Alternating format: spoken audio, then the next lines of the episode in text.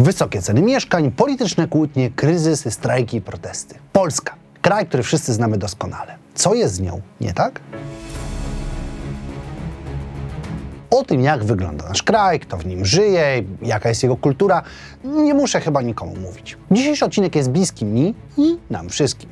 Jednak, tak samo jak w każdym innym materiale z tej serii, muszę na samym początku umieścić pewne informacje. Co jest nie tak z, to filmy, które skupiają się tylko i wyłącznie na negatywnych aspektach danego kraju, przyjmując bardzo negatywną i pesymistyczną narrację. Taka jest konwencja. Dodatkowo stosujemy wiele skrótów i uproszczeń, by materiał nie przerodził się w kilkugodzinny esej o historii i społeczeństwie. W przypadku Polski umieszczę też jedną dodatkową uwagę. Materiał staramy się robić obiektywnie w oparciu o dane i jako zaproszenie do szerszej rozmowy. Nie uciekniemy jednak do podświadomej subiektywności, a sama forma materiału wymusza na nas przyjęcie pewnej narracji. Dlatego zacznijmy od tematu, który jest i może być najbardziej kontrowersyjny. Polityka. Ostatnie lata to burzliwe przemiany. Ciężka sytuacja geopolityczna spowodowana wojną za naszą wschodnią granicą, a także pandemia COVID-19. Przy okazji jest jeszcze coś, co przez komentatorów nazywane jest kryzysem demokracji, który był efektem zmian w prawie, przejmowaniem spółek Skarbu Państwa i telewizji. Jednak, mimo że niektóre z tych elementów to efekty sporych zaniedbań czy dowód na pewnego rodzaju brak skuteczności, jest za tym wszystkim problem, który może być interpretowany jako ten najbardziej dokuczliwy. Polska jest niezależna i przeprowadza wolne wybory od nieco ponad 30 lat. To niewiele na tle innych demokracji na świecie. Jednak wystarczająco, żebyśmy zobaczyli 10 kadencji Sejmu. W ostatnich ugrupowanie Jarosława Kaczyńskiego walczyło o władzę z ugrupowaniem Donalda Tuska. Tak samo jak miało to miejsce w czwartej, piątej i szóstej kadencji. Przeglądając nagrania archiwalne, możemy znaleźć dokładnie tych panów już na początku lat 90. w okolicach pierwszych rządów, po okrągłym stole czy pierwszych kadencji. W ławach poselskich zasiada obecnie dwóch posłów, którzy są nimi łącznie dziewięć kadencji. Rekordzista Marek Sawicki zasiada w Sejmie od 1993 roku. Do tego w mniej lub bardziej zmienionej formie na naszej scenie politycznej możemy doszukiwać się mniej więcej tych samych ugrupowań, a wiele osób na czele polityki jest w niej od wielu lat. Nie mamy problemu Japonii z politykami dynastycznymi ani amerykańskiego duopolu. Jednak sytuacja z technicznego punktu widzenia może pozostawić wiele do życzenia. Szczególnie, że ostatnie lata pokazały, że władza, a wola ludzi to niekiedy dwie różne sprawy. Warto podnieść tu zdanie wielu komentatorów dotyczących stanu naszego państwa pod kątem politycznym. Cała sytuacja z Trybunałem Konstytucyjnym, niezależnie po której stronie sporu politycznego się przebywa, jest tematem wielu dyskusji, kłótni opracowań, bo jednak jest w jakiś sposób działaniem niezgodnym z pierwotnymi założeniami dla tego organu. A jest to szczególnie mocno widoczne w kontekście chociażby tematu aborcji. No bo przecież właśnie wyrok Trybunału Konstytucyjnego spowodował zmiany w prawie, która pociągnęła za sobą masowe protesty. To prowadzi nas do kolejnego istotnego problemu, a mianowicie polaryzacji. Ta jest coraz bardziej widoczna na świecie i dotknęła ona również Polskę. Nasz kraj jest podzielony. Widać to w internecie, na ławach sejmowych i w mediach. Mówi się o Polsce A i B. Wskazuje się, że widać zabory na mapach, a wcześniej wspomniany prawie duopol może służyć jako dowód na to, jak wygląda sytuacja. W wielu miejscach ciężko przecież nie należeć do jednego z dwóch dużych obozów politycznych. I nie jest to jedyny element polaryzacji, a wręcz można zaryzykować stwierdzenie, że jest on jednym z mniej istotnych. Polsce mamy bardzo widoczny podział na duże miasta, małe miasta i wsie. I podział ten ma swoje efekty w tysiącach mniejszych i większych kategorii. Weźmy na przykład zarobki. Średnia dla naszego kraju to 7544 zł brutto. Mediana to już 7144. Jednak patrząc na podział na województwa, to zobaczymy prawdziwe oblicze nierówności. Województwo mazowieckie ma medianę zarobków na poziomie 8317 zł, lubelskie to 5800. Różnica wynosi więc 2500 tysiąca złotych, suma całkiem spora, nawet biorąc pod uwagę koszta życia, które w lubelskim będą niższe. To nie są one niższe o aż 2,5 tysiąca złotych miesięcznie. Warto jednak zaznaczyć, że różnice występują też w obrębie województw. Średnia mazowiecka to połączenie Warszawy i chociażby powiatu radomskiego, gdzie różnica wynosi również około 2,5 tysiąca złotych. Według innych badań 30% majątku w Polsce jest w rękach 1% ludzi. Z drugiej strony mamy zaś dolne 50%, których zamożność jest dosłownie ujemna i posiadają oni więcej długów. Tak jak widzicie, sytuacja nie jest stabilna i potencjalne zawirowania w sferze ekonomicznej są bardzo możliwe. Jeżeli wy chcecie zadbać o swoje finanse, to może przydać wam się rezerwa w euro na wypadek zawirowań geopolitycznych i spadku wartości złotego. W tym celu warto pamiętać o opcji lokowania euro czy dolarów na ponad 6, a nawet ponad 8% na rok, co jest ofertą dość unikalną i ograniczoną czasowo. Póki co na takie warunki możemy liczyć u brokera Freedom24, gdzie można je zarezerwować na 3 do 12 miesięcy. Do tego, w przeciwieństwie do ofert bankowych, im większa kwota, tym większe oprocentowanie, co widzicie w tabeli. Platforma udostępnia także szerokie możliwości inwestycyjne, z których, jak wiecie, sam korzystam. Także jeśli macie trochę obcej waluty, to warto przemyśleć, czy będzie to coś dla Was. A szczegóły zamieszczam w opisie filmu i przypiętym komentarzu. To niesie za sobą kolejne komplikacje, jak chociażby wykluczenie komunikacyjne, czyli problem z transportem i przemieszczaniem się wynikającym z braku dostępu do infrastruktury. I możemy tu zaliczyć naprawdę sporo, bo takich osób może być w naszym kraju 15 milionów. Czym jest samo wykluczenie? To całkowite lub częściowe ograniczenie w możliwości korzystania z transportu publicznego. I o ile dla dorosłych ludzi rozwiązaniem może być samochód, to nie każdego na to rozwiązanie stać lub nie każdy może je wcielić w życie, bo jest na przykład 16-latkiem, który musi jeździć do liceum do miasta obok. Wykluczenie przyjmuje formę pewnego uzależnienia od innych w kwestii przemieszczania się. Autobusy w pewnych regionach Polski jeżdżą sporadycznie, a w niektóre sezony, np. w wakacje, wcale. To powoduje, że spora część ludzi nie ma dostępu do pracy, usług czy uczestnictwa w społeczeństwie. Łączy się to dobrze z tematem zapaści miast. To miejscowości pomiędzy 15 a 100 tysiącami ludzi, które są umieszczone w całej Polsce. Wykluczenie transportowe to jeden z ich problemów, ale mamy jeszcze bezrobocie, brak przemysłu, usług, problem z dostępem do systemu edukacji czy opieki medycznej. Prudnik, Kętrzyn czy Jasło to tylko część z przykładów takich właśnie miast, które są symbolem licznych problemów dotykających naszego społeczeństwa. Jaki jest powód tych problemów? Transformacja, czyli okres w latach 90., kiedy przechodziliśmy z gospodarki PRL do trzeciej RP. Powiedzieć, że szereg wprowadzanych wtedy reform autorstwa Leszka Balcerowicza to temat kontrowersyjny, to jak nie powiedzieć nic. Ten temat jest bardzo intensywnie omawiany przez każdą stronę sporu politycznego, ekonomicznego i społecznego. A miasta w zapaści to jeden z dowodów na to, że reformy te nie były przeprowadzone dobrze w każdym aspekcie a wiele miejsc w Polsce, a co za tym idzie, setki tysięcy ludzi zostały przez nie mocno pokrzywdzonych. Tak, wiele wskaźników uległo poprawie, a Polska rozwijała się niezwykle szybko w skali innych krajów postsowieckich, ale rosło bezrobocie i pogorszyła się sytuacja tych biedniejszych Polaków. U części komentatorów możemy dopatrzyć się zdania, że to właśnie plan Balcerowicza spowodował wspomniane wcześniej rozwarstwienie w społeczeństwie. Ucierpiał też przemysł, co również znajduje poparcie w tezach niektórych badaczy i ekonomistów, a co widzimy właśnie w miastach zapaści, w których często zamykano fabryki i firmy. Zniknęły też PGR-y, co spowodowało zapaść polskich wsi. Bez miejsc pracy wiele osób po prostu ją straciło i nie mogło jej odzyskać, zwłaszcza, że wraz z nią straciło możliwość uprawy roli, a to z kolei spowodowało braki pieniędzy. Te zaś przerodziły się w inne braki, zwłaszcza, że polska wieś ma duże problemy infrastrukturalne. Nawet milion Polaków nie ma dostępu do toalet. To niejako spirala, w której ludzie żyli w złych warunkach, nie mogli zadbać o lepsze warunki dla swoich dzieci, zaniedbywali wykształcenie i edukację, bo nie mieli do niej dostępu i nie stać ich było na alternatywy. To zaś powodowało zwiększenie się wcześniej wspomnianego bezrobocia i ogólnie pogorszenie warunków życia. A rozwiązaniem dla wielu była emigracja. Drenaż mózgów to zjawisko ekonomiczne, w którym osoby najczęściej z wyższym wykształceniem opuszczają swój kraj, by udać się do pracy w innym. Powoduje to wzrost specjalistów w jednym kraju, jednak ich brak w drugim. Polska w latach 80. XX wieku była właśnie tym drugim krajem, a przez kolejne lata drenaż postępował regularnie, ze szczególnym jego nasileniem po dołączeniu do Unii Europejskiej. W latach 2003-2014 Polska miała jeden z największych bilansów ujemnych w Europie, jeśli chodzi o migrację wykwalifikowanych pracowników.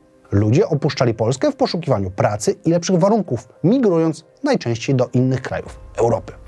Ten problem obecnie nie jest już tak duży, jednak cały czas odczuwamy konsekwencje dużych fal migracji w poprzednich latach, szczególnie tych z początku XXI wieku. To istotny problem, bo przecież ludzie, którzy emigrowali z naszego kraju, odbierali im wykształcenie, byli beneficjentami systemu, a następnie go opuszczali, pracując w innych krajach. Pozbawiało nas to też pracowników i zaplecza technicznego, które istotne jest przy dużych inwestycjach. Powody były prozaiczne i najczęściej pieniężne. Polska wydawała się i często faktycznie była mniej atrakcyjna do pracy.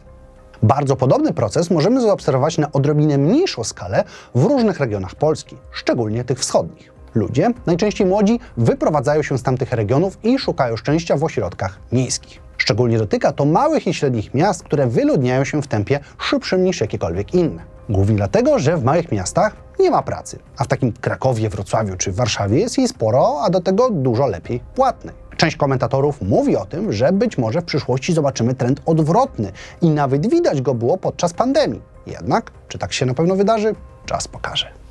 Szczególnie, że wiele prognoz dla Polski wcale nie jest pozytywnych. Te dotyczą chociażby dzietności, która spada z roku na rok, mimo wielu programów wprowadzanych, by poprawić tę sytuację. Rosną też ceny za mieszkania z roku na rok, nawet o kilka procent, więcej niż rosną zarobki. Ten problem dotyka całą Europę, jednak w Polsce utrzymuje się na stosunkowo wysokim poziomie. Odcina to osoby młode od dostępu do lokali, a to przeradza się w problem chociażby mieszkania z rodzicami. Nawet 50% osób pomiędzy 18 a 34 rokiem życia dzieli z nimi mieszkanie. Jest to jeden z najwyższych odsetków w Europie. I nie są to zbyt dobre warunki do zakładania rodzin. Mieszkań jest po prostu za mało, szczególnie w miejscach, gdzie jest praca, jak duże miasta. A ciężko jest szukać mieszkań poza miastami, gdy często nie są one skomunikowane. Dalej mamy też problem tak zwanej luki czynszowej. To ludzie, którzy zarabiają zbyt mało, by dostać kredyt na mieszkanie, ale za dużo, by móc liczyć na pomoc od państwa czy samorządów. To jednak nie jedyne problemy małej dzietności. Młodzi Polacy są często samotni, w rozumieniu tego, że są singlami, ale samotność to też pewnego rodzaju problem, który w Polsce tylko się nasila. Epidemia samotności to po prostu nazwa na to, że coraz więcej Polaków czuje się samotnymi i opuszczonymi. W szczególności dotyka to młodych mężczyzn. Mówimy tu o nawet 53% Polaków czujących się samotnie i 35% nie mających nikogo, do kogo mogliby się zwrócić. To wynik masy czynników, w tym pandemii COVID-19, ale też wcześniej wspomnianej polaryzacji. W wynikach sondażowych widać, że młodzi mężczyźni i młode kobiety są po prostu na dwóch różnych końcach spektrum, radykalizując się z każdym rokiem. A to sprawia, że spora część z nich czuje się osamotniona i nierozumiana, bo przez tego rodzaju konflikty nie mają kontaktu z tymi o odmiennych poglądach, a brak systemowego i społecznego wsparcia tylko nasila ten proces. Szczególnie młodzi mężczyźni, którzy czują się opuszczeni, a w narracji głównego nurtu są oni pomijani. Co oczywiście jest skrzętnie wykorzystywane przez grupy, które jeszcze bardziej ich radykalizują i tak w kółko. Być może problemem jest to, że zdrowie psychiczne w Polsce nie jest tematem aż tak powszechnym, a polska psychiatria jest w opłakanym stanie. Mimo, że osób leczonych w ramach opieki psychiatrycznej przybywa, to wcale nie przybywa miejsc w szpitalach czy poradniach. Psychiatria dziecięca jest tego najlepszym przykładem, bo lekarzy w tej specjalizacji mamy w Polsce 532 na cały kraj. Przy czym nie są oni równo rozłożeni po całym kraju, bo w takim warmińsko-mazurskim jest ich dziewięciu. A ilu pacjentów muszą przyjąć? Statystyki z roku 2022 mówią o 257 tysiącach na 532 lekarzy. W innych sektorach opieki zdrowia jest odrobinę lepiej, ale nie trzeba mówić o tym, że cały czas jest po prostu źle. W Polsce mamy 140 tysięcy lekarzy, z czego 25% w wieku emerytalnym. W 56 gminach nie ma przychodni. Statystyki mówią wprost, że brak nam 50 tysięcy lekarzy. A możemy nie mieć jakichś znaleźć, bo nawet 30% studentów medycyny rozważa emigrację. Do 2030 roku 65% pielęgniarek będzie w wieku emerytalnym, co jest jednym z najwyższych odsetków w Europie. Ich też po prostu zabraknie, bo nowych szkolimy za mało, a jeśli już, to często wybierają one pracę w lepszych warunkach poza granicami naszego kraju. To jeden z lepiej widocznych przykładów drenażu mózgów, bo kadry medycznej brakuje w każdym szpitalu. Inna sprawa to to, że szpitali zaczyna brakować. Ze względu na brak kadry zamykają się kolejne oddziały, niekiedy całe przychodnie i szpitale, pozbawiając ludzi dostępu do opieki medycznej, co jeszcze bardziej zaognione jest przez wykluczenie komunikacyjne. Nie ma szpitali w pobliżu, nie ma jak do nich dojechać na badania. Cierpi na tym przede wszystkim profilaktyka, bo większość z nas nie wykonuje żadnych badań profilaktycznych. Odbije się to szczególnie na starość, kiedy wymagać będziemy stałej opieki. Nie tylko my, bo starszych osób będzie ogólnie coraz więcej, bo starzejemy się jako społeczeństwo. I nie za bardzo widać jakieś rozwiązania tej sytuacji na horyzoncie. Zwłaszcza, że problemy widzimy i odczuwamy na własnej skórze. Nie ma wystarczającej ilości łóżek w szpitalach, nie ma komu przeprowadzać operacji, a jeśli już, okres oczekiwania na niektóre z zabiegów przekracza setki dni. Czasem jest to termin tak odległy, że nie ma innego wyboru, jak szukać pomocy z zagranicą, korzystając ze zbiórek pieniędzy. Brak lekarzy możemy też tłumaczyć brakami w edukacji, bo ta w Polsce pozostawia wiele do życzenia. Nagrałem nawet na ten temat materiał dostępny tutaj. Jesteśmy cały czas uczeni w systemie pruskim, dlatego w szkołach, które są w wielu regionach kraju, niedofinansowane. Kadra nauczycielska jest słabo opłacana. Nauczyciele mają coraz mniejszy autorytet zarówno wśród uczniów, jak i rodziców, a wymagania i odpowiedzialności są coraz większe. To skutkuje słabą edukacją i całą gamą innych problemów, wymieniając chociażby brak pomocy psychologicznej w wielu szkołach, brak dobrych rozwiązań w przypadku agresji i przemocy rówieśniczej, czy wysoki poziom wypalenia zawodowego nauczycieli. Próbujemy rozwiązać to reformami, jednak w ostatnich dwóch dekadach widzieliśmy ich kilka, gdzie każda wywracała do góry nogami system, niekiedy w obrębie kilku roczników, prowadząc do zwyczajnego chaosu logistycznego, gdzie w szkołach brakowało miejsc dla uczniów. Edukacja jest też kluczowa, aby rozumieć rzeczywistość i wiedzieć, co nas otacza. W Polsce, tak samo jak w wielu innych krajach Europy i świata, pojawiło się wiele ruchów antynaukowych, które kwestionują to, co się dzieje. Szczególnie dużo mogliśmy zobaczyć podczas pandemii COVID-19. Warto tu wspomnieć, że sama pandemia była dla nas wyniszczająca. Nadprogramowych zgonów było kilkaset tysięcy, a wiele biznesów poprzez lockdown i inne mechanizmy po prostu upadło. Tutaj możemy podnieść merytoryczny argument, że nasz kraj nie był przygotowany na pandemię i reagował gwałtownie. Jednak cała sytuacja stworzyła w naszym kraju bardzo dużą grupę ludzi, która zaczęła wrogo odnosić się do systemu opieki zdrowia, kwestionować zasadność szczepień i wiele innych rzeczy. Najlepszym dowodem na to, jak duży jest to problem, to ostatnie badania, według których wierzymy bardziej swoim znajomym niż lekarzom. A wiedzę o świecie czerpiemy przede wszystkim z social media. Dużym problemem, który ostatnio częściej przebija się do głównego nurtu, jest ekologia. Polska energetyka oparta jest na węglu, który skutecznie niszczy nasze środowisko, a także dokłada się do problemu smogu. Ten z kolei negatywnie wpływa na nasze zdrowie. Miasta zmagają się z tak zwaną betonozą. Wycinane są parki i tereny zielone, co skutkuje w falach upału dużo bardziej dotkliwych niż miałoby to miejsce w dobrze zaprojektowanych metropoliach. Stan sieci energetycznych jest zły, co uniemożliwia przeniesienie energetyki na OZE czy atom.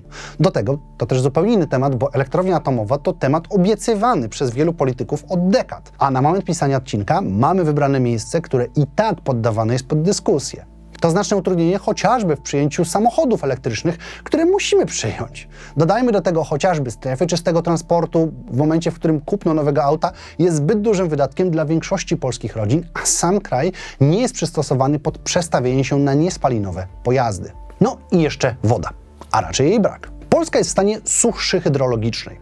Zapasy wody pitnej się kurczą i nie będzie nadużyciem stwierdzenie, że nie za bardzo cokolwiek z tym robimy. Nie mamy wielu zbiorników retencyjnych. W wielu regionach zamiast tego wodę przelewamy do rzek, a nimi do morza, tracąc ją. To będzie bardzo duży problem, szczególnie dla rolników, bo ziemia wyschnie i nie będzie dało się uprawiać na niej roślin. Do tego będzie pojawiać się kolejny proces stepowienie. Susze w Polsce pojawiają się już wiosną, a niektóre tereny przekształcają się w stepy, pozbawione drzew i innej roślinności, która kluczowa jest dla zatrzymania wody. Przy czym, tak jak mówiłem, z tym problemem robi się nic albo niewiele. Na co dowodem idealnym może być to, co wydarzyło się w Odrze, czyli nic innego jak katastrofa ekologiczna zabijająca faunę i florę tej rzeki, przy okazji niszcząc wody gruntowe i jeszcze bardziej pogarszając i tak tragiczną już sytuację. Nie możemy zakończyć tego odcinka przed wspomnieniem jednego z problemów, które mocno znaczyły się w polskim społeczeństwie położenie Polski. Wszyscy doskonale wiemy, co dzieje się za naszą wschodnią granicą i dobrze znamy historię naszego kraju, przepełnioną wojnami i innymi okropieństwami. To nie jest typowy problem, coś na co znaleźć można rozwiązanie. Rozbiory, wojny światowe, okupacje czy Holokaust są tematami, które są w nas wszystkich. To trauma pokoleniowa bądź transgeneracyjna, która przekazywana jest nam od pokoleń i z którą na dobrą sprawę dopiero teraz zaczynamy sobie jako społeczeństwo radzić i o niej rozmawiać. Według badań nawet 19% Polaków teraz ma objawy stresu pourazowego, które mogą mieć swoje źródła właśnie w II wojnie światowej i są spadkiem po naszych dziadkach i pradziadkach. To problem, bo wpływa na nasze życie bezpośrednio, zmieniając nasze postrzeganie świata i reakcję na niego. I dodatkowo coś, o czym wcale nie mówi się zbyt często, a powinno się. No i jest jeszcze polityka zagraniczna. Nasi sąsiedzi są nam doskonale znani, szczególnie z historii. I te urazy chowamy po dziś dzień, a w wielu miejscach nie prowadzimy zbyt udanej dyplomacji. Wiele ruchów nacjonalistycznych postuluje izolacjonizm, a krzywdy poprzednich pokoleń cały czas są wiecznie żywe w naszym podejściu do sąsiadów. Nasz konflikt z Unią Europejską jest faktem i wspomniany był przez ostatnie lata niezwykle intensywnie. Naszym sojusznikiem, z którym zawsze trzymaliśmy się blisko, było tylko USA. Jednak ostatnie wypowiedzi byłego prezydenta tego kraju sugerują, że i tutaj może nie być to najpewniejszy typ. Z drugiej strony, za wschodnią granicą mamy Białoruś, gdzie stacjonują rosyjskie wojska, a wiemy doskonale, co owe wojska robią na terenach Ukrainy. Ta wojna to też wyzwanie, bo przyjęliśmy na siebie jako kraj duże obciążenie, przyjmując chociażby wielu uciekających przed wojną ludzi, a także oferując liczną pomoc. to jednak kosztuje, a dla nas jest to wydatek konieczny. Mówiąc niezwykle pragmatycznie i bardziej chłodno, brak większej granicy z Rosją jest dla nas korzystny. Więc wspieranie Ukrainy jest ze strategicznego punktu widzenia istotne. Nie zmienia to jednak faktu, że jest to dla nas niezwykle obciążające, a dodatkowo wzmaga u nas ruchy nacjonalistyczne i ksenofobiczne, które zaogniają konflikty na tle narodowościowych, których w mediach społecznościowych jest coraz więcej. Tu można też wspomnieć fakt, że polaryzacja to jedno, ale widoczny jest wzrost dezinformacji w mediach społecznościowych, a także aktywności kont, które są po prostu botami, tworzonymi przez kogoś, komu zależy na kłótniach i rosnącej fali radykalizacji, szczególnie takiej, w której popiera się inwazję. Do tego mamy obecnie bardzo dużą dyskusję wokół CPK, która obarczona jest masą różnych kruczków, szczegółów i kłótni. Ale to kolejny konflikt, który tym razem dotyczy czegoś, co postrzegane jest jako duża szansa. Polacy mają duże oczekiwania wobec władzy, szczególnie, że budżet naszego państwa rośnie, przebijając barierę biliona złotych. Rośnie też nasze PKB, a z nim aspiracje do czegoś większego. Zwłaszcza, że przebijają się głosy, że możemy pozwolić sobie na duże projekty, skoro pozwoliliśmy sobie na duże programy, a te wcale nie zachwiały naszą gospodarką aż tak mocno. Wielu Polaków uważa, że stać nas na bardzo dużo, a dowodem na to ma być to, że przez wiele kryzysów gospodarczych na świecie przeszliśmy całkiem dobrze na tle innych krajów rozwiniętych. To jednak trwająca dyskusja, a jej koniec jest gdzieś na horyzoncie. Ciężko jednak przewidzieć, jak naprawdę się zakończy. Polska, mimo licznych wad, to tak samo jak inne, zwykły kraj ze sporą ilością kultury, historii i serdecznych ludzi. Problemy, które dzisiaj przedstawiłem, to negatywna strona naszej ojczyzny i tylko ta strona. Warto pamiętać, że taka jest formuła materiału, a nasz kraj ma sporo zalet i da się go lubić na swój sposób, co przecież każdy z nas przecież okazuje. Pamiętajcie, że jeżeli chcecie zadbać o swoje finanse, to warto zrobić to z Freedom24. Link znajduje się w opisie. Na dzisiaj to wszystko. Mam nadzieję, że materiał się podobał, mimo że długi. Widzimy się w kolejny piątek. Trzymajcie się ciepło. Cześć!